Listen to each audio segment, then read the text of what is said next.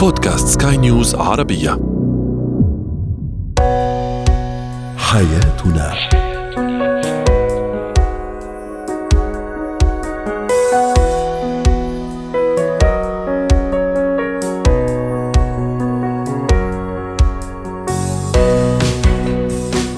مستمعينا الكرام أهلا بكم معنا إلى حياتنا فضاؤكم اليومي الذي يعنى بشؤون الأسرة وباقي الشؤون الحياتيه الأخرى والذي يمكنكم الاستماع إليه عبر منصة سكاي نيوز ارابيا dot com slash podcast وباقي منصات سكاي نيوز عربية الأخرى. شاركونا عبر رقم الواتساب 00971 561 88 622 معي أنا إبتسام العكريمي.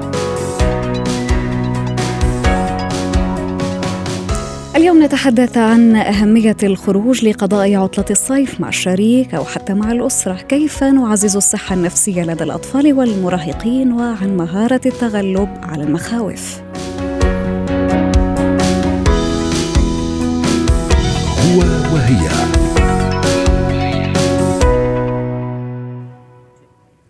يعد وقت الإجازة الصيفية من الأوقات التي تعد فرصة للشريك كثير الانشغال حتى يستطيع تمضية وقت أطول مع الزوجة وحتى مع بقية أفراد الأسرة من حيث كيفية قضاء هذه العطلة وهي من الأوقات التي يكون فيها الشخص له حرية التصرف بالكامل في الوقت.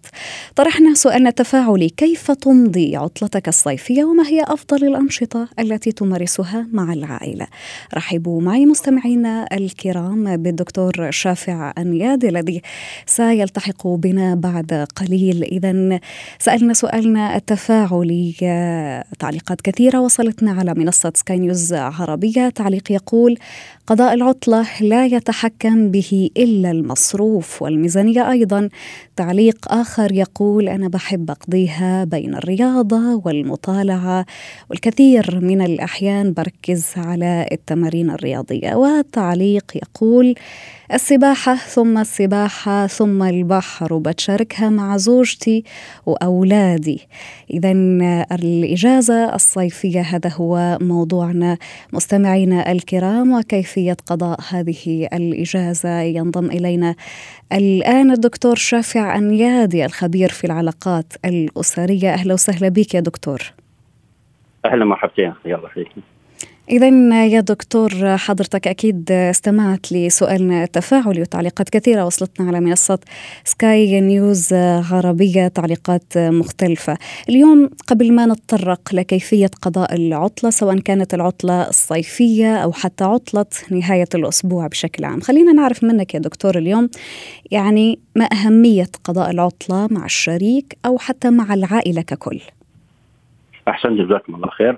طبعا العطلة أنا اشوفها فرصة في على أساس تقوية الروابط الأسرية سواء مع الأبناء أو حتى مع شريك الحياة. أنا أشوف أن لكي نستطيع أن نبني الولاء الأسري شو نقصد مسألة الولاء؟ هي الذكرى والحنين. من خلال هذه العطلة سواء أي نوع من العطلات حتى أحيانا يبني نوع من التوازن النفسي في كثير من بعض المشاعر وما حد يخلو فينا من بعض الافكار السلبيه مشاعر خصامات خصوم آه، زعل فمن خلال العطلة العطلة أنا أشوفها ك يعني ممكن تنظف المشاعر السلبية ما بين سواء شريك الحياة حتى ما بين الأبناء. الوالدين يستطيعون أن يتقربون من أبنائهم أكثر، كثير من بعض الآباء أو الامهات والله نحن دكتور ما فاهمين عيالنا صعب إني أفهم ابني صعب إني أفهم شريك الحياة. فمن خلال العطلة بإمكانهم أن يستطيعون يفهموهم أكثر وأكثر. أنا أشوف العطلة هي من أهم الطرق العلاج السريع التعامل مع الاضطراب الموسمي. لما أقول اضطراب الموسمي هو في نوع من الاكتئاب المتكرر. في أحيانا بعض الشخصيات لكافة أفراد الأسرة يا دكتور؟ الاضطراب الموسمي هو الاكتئاب المتكرر. يعني, يعني لكافة أفراد الأسرة سواء تحدثنا عن الشريك الشريكة الأطفال. لكافة.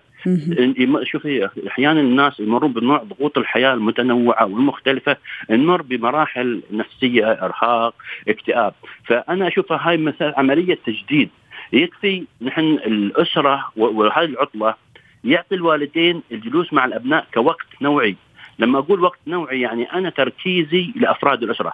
لما يكون هذا العطلة والاسره الأسرة طالعين في هذه العطلة يكون تركيزهم وين؟ ما مشغول لا في عمل لا يعني ممكن ممكن تعويض النقص نعم. أو تعويض الغياب الحاصل من الأم أو من الأب مع الأطفال. وهذه النقطة يا دكتور سنتطرق إليها لاحقا.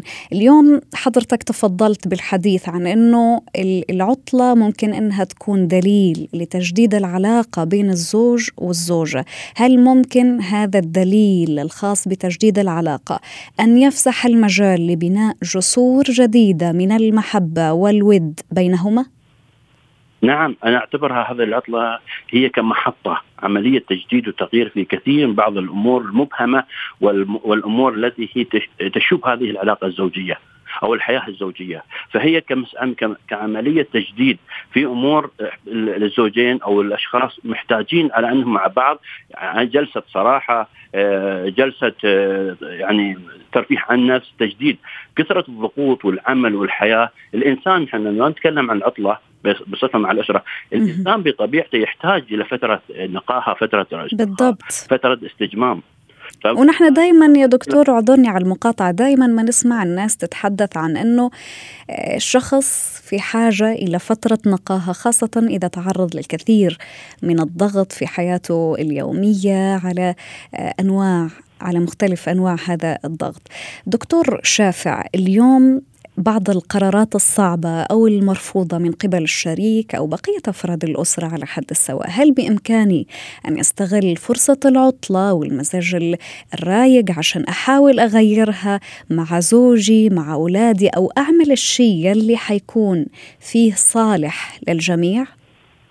نعم شوف العطلة بإمكان تنمية مجموعة من المهارات يحتاجونها الأبناء ويحتاجهم مع شريك الحياة، بس أنا لا أريد العطلة كما أنها محكمة. أو أو وقت للنقاش والحوار في مشاكل وهموم فبتتحول هذه العطلة إلى ممكن لماساه أكثر. أنا رايح تتحول لنكد يا دكتور. تتحول لنكد فنحن مش معنى العطلة إن أوكي هاي عطلة يلا نحن نقاش في أمور سلبية وحوار وخصام. لا لا.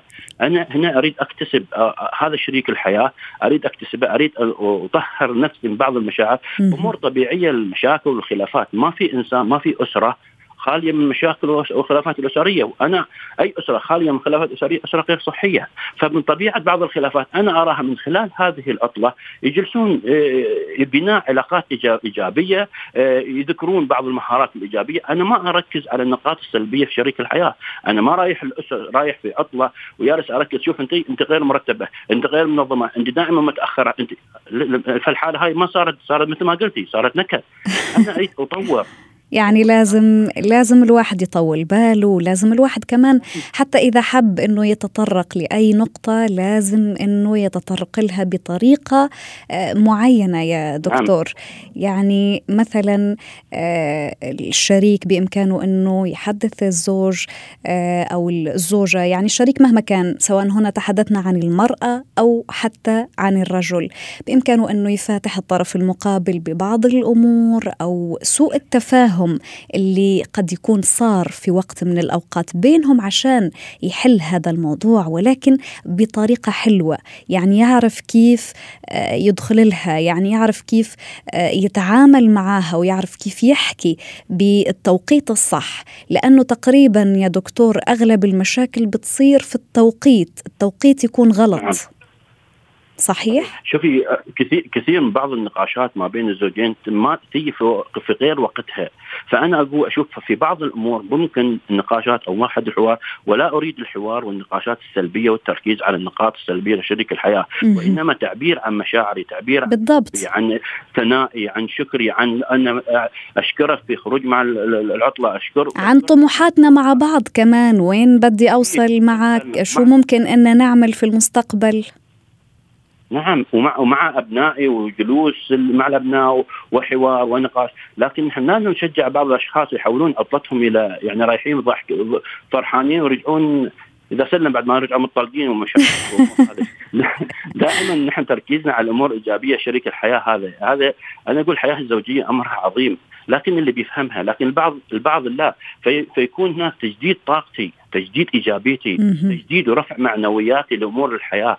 هي محطة. دائما نحن نقول دائما في المحطات شو نعمل؟ نستزيد نزود نزود أنفسنا من الأكل والطعام وما شابه ذلك، كذلك هذه العطلات هي كان نحن نزود أنفسنا من بعض الإيجابية نزود أنفسنا ب نمتص الطاقة الإيجابية عشان نستخدمها ونستعملها في حل مشاكلنا أو حتى في الجديد من حياتنا، طيب أنا حختم معك يا دكتور بموضوع الأطفال، الأطفال وبقية حتى أفراد العائلة، تمضية الوقت اليوم مع بعض آه، في السباحة في الرياضة في السفر أو في أي نشاط ممكن أننا نقوم به أو نتشاركه آه، في العيلة آه، في العطل الصيفية أو غيرها هل هذا قد يؤثر أيضا إيجابا على نفسية طفلي؟ لحظة أنا من خلال العطل نستطيع أن ننمي الذكاء العاطفي والذكاء الاجتماعي لدى الأبناء لماذا؟ لأنهم خرجوا خارج بيئة الحدود البيت والجلوس فقط هم خرجوا للمجتمع خارجي فمن خلال العطلة أنا أكتسبهم كذلك مهارات حياتية هم الأبناء يحتاجونها. أنا ما أقدر أعلم مهارة إدارة الوقت. لا أستطيع مثلا أعلم مهارة ترتيب وتنظيم مهارة التعامل مع اتخاذ القرارات حل المشكلات.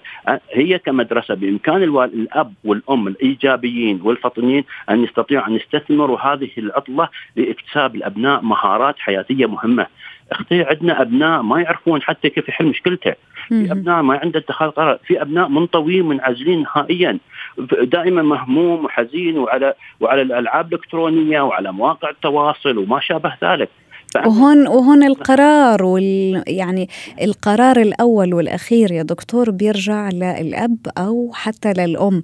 يعني موضوع الرقابة دائما مطروح. رقابة الوالدين على أطفالهم دائما مطروح. شكرا لك على كل هذه النصائح. كنت معنا خبير العلاقات الأسرية دكتور شافع نيادي ويعطيك ألف عافية.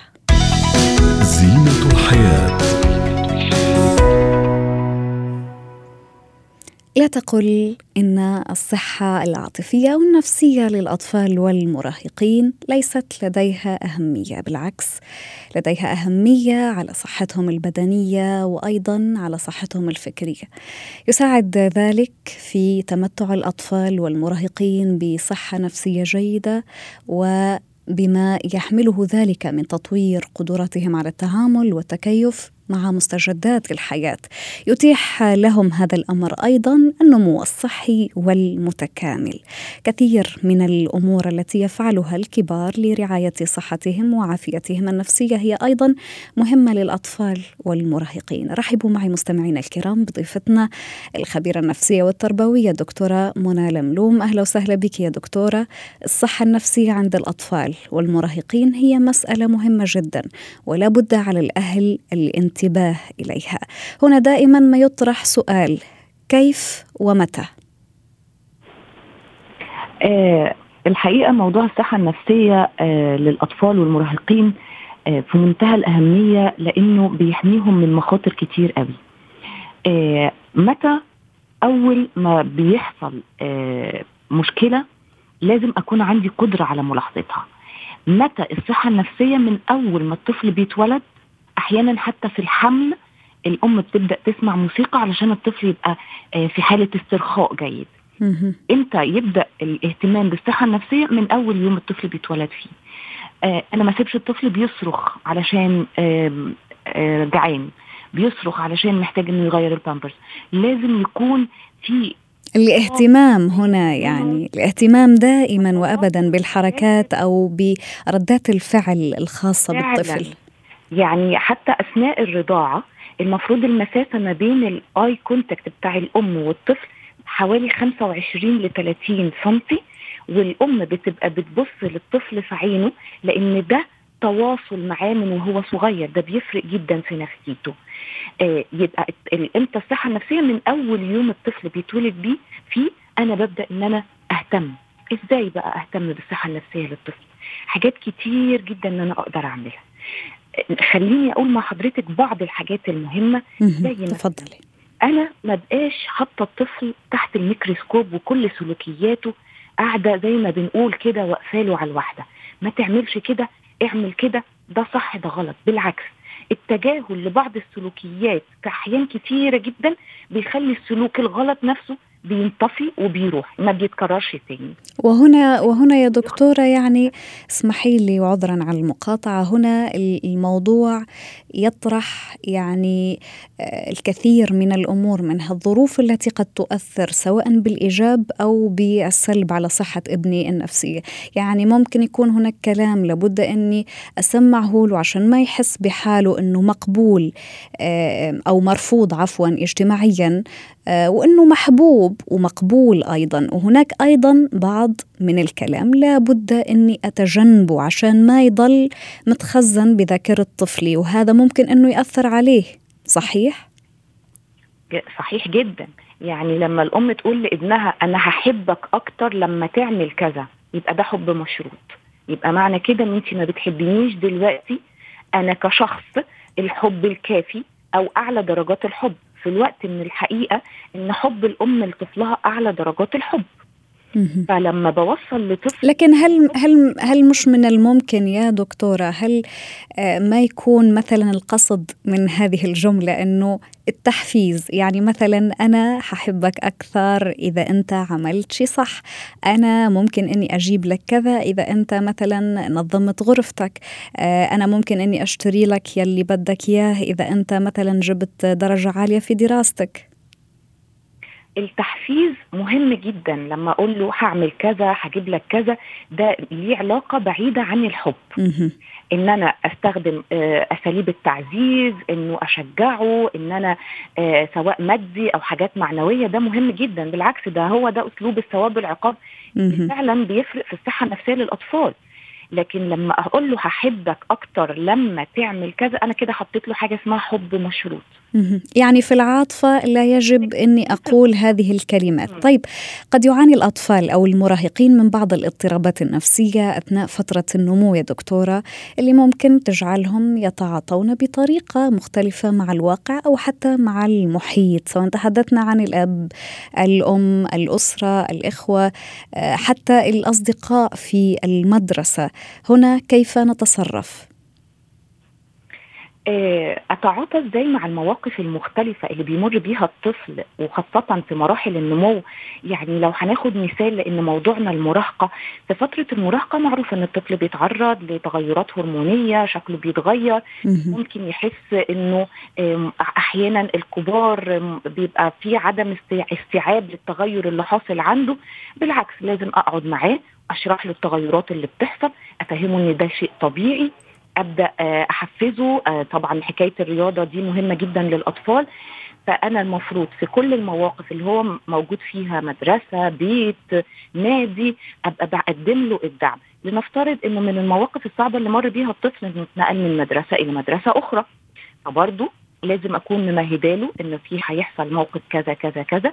وأنا عارفة إن ده ممكن هيفرق معاك إن أنت هتفتقد أصدقائك إن أنت هتفتقد الفصل بتاعك المدرسين بتوعك. لكن خلينا نروح ونشوف المدرسة الجديدة قد إيه هي جميلة وأكيد هتقدر تعمل صحاب جداد لأنك لما دخلت المدرسة دي في أول مرة ما كنتش تعرف فيها حد. التمهيد والدعم لما تحصل مشكلة. طيب هل نقص الانتباه اللي قد يلاحظه الطفل أو المراهق سواء كان من الأب أو من الأم؟ هل ممكن إنه يأثر سلبا على صحتهم النفسية وهل ممكن يكون سبب مشاكل عاطفية لديه؟ أكيد. في دقيقة يا دكتورة فقط لو سمحتي عشان الوقت بيدهمنا حاضر. آه طبعا هيفرق جدا عدم الاهتمام بيه لأنه آه خاصة لو عنده إخوات وبيحصل اهتمام بالإخوة أكتر منه هو فطبعا ده هيحصل آه تأثير شديد على الطفل. طيب أعمل إيه؟ لازم ألاحظ لو الطفل بدأ سلوكياته بتتغير بدأ إن هو آه، كان في حاجات بيحب يعملها ما بقتش بيحب يعملها حاجات كانت بتفرحه ما بقتش بتفرحه هبدأ أنتبه وده بيحصل أوقات كتيرة من بعض الاب والأمهات نتيجة لظروف معينة لكن بعد شوية إذا انتبهت لده أقدر إن أنا أصلحه بسهولة. شكرا لك ضيفتنا العزيزة الخبيرة النفسية والتربوية دكتورة منى اللملوم ويعطيك ألف عافية. مهارات الحياة قد يكون الخوف صحي ومنطقي في حال ظهر لفترة قصيرة فقط وكان بدافع إنقاذك من هجوم أو خطر أو ما شابه لكنه قد يتحول في أحيان أخرى إلى حالة مرضية قد تؤثر على نشاطاتك الفردية وقد تسيطر على حياتك وتؤثر أيضا على تعاملاتك اليومية مع المحيط ومع الأشخاص. هنا لابد من مواجهة هذا الخوف ومحاولة التغلب عليه وهذا يحتاج لمهارة كبيرة. ورحبوا معي الآن مستمعينا الكرام بالأستاذة رزان الكيلاني مدربة مهارات الحياة. يسعد أوقاتك يا أستاذة رزان. الكثير منا قد يكون لديه أحد الفوبيا على اختلافها أو دعينا نقول بعض المخاوف. أحيانا قد تجتمع عدد منها في نفس الوقت لدى نفس الشخص. هذا الموضوع قد يؤثر سلبا على حياته وتعاملاته مع الناس. هنا أحتاج لمهارة عشان أتغلب عليها. فمن أين أبدأ وكيف أتخلص من هذه المخاوف يا أستاذة رزان؟ نعم. أول شيء كل عام وأنتم بخير وإن شاء الله يكون العيد عدى عليكم كلكم بخير وصحة وسلامة. عيد سعيد إن شاء الله عليك أشكرك أشكرك. آه، هلا مبدئيا الخوف ما هو؟ الخوف هو آه، انفعال يعني رد فعل تمام؟ هلا رد فعل لماذا؟ هل هو خطر حقيقي ولا خطر متوقع؟ فإذا هو خطر متوقع مثلا أنا عندي امتحان أخاف أن أفشل فيه أو مقابلة بخاف أني أخسر هاي الوظيفة إلى آخره. فمنبلش نطلع على كيف نحن عم نحكي مع أنفسنا كيف نتكلم مع أنفسنا حول هذا الموضوع. أحيانا أيضا اسمحي لي يا أستاذة رزان يكون هذا الخوف من قبيل الخوف من الامتحانات أو من المقابلات أو ما شابه أي يعني أي خوف ممكن أنه يكون من شيء أنت حتعمله ممكن أنه يكون بين ضفرين خوف صحي. يعني حفزك إنك مثلا تحضر أكثر تذاكر أكثر. ما رأيك في هذا؟ نعم.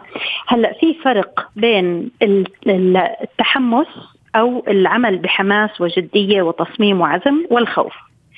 الخوف كل ما طولنا فيه كل ما صار مرضي يعني كل ما علقنا في آه، نظام الانفعال اللي هو ينتمي للمناطق البدائية في دماغنا. فإذا نحن هون بتبلش تصير عندنا مشاكل تعقيدات وممكن تتطور تصير فوبيا ليه؟ لأنه الدماغ مكون من ثلاث مستويات وعي.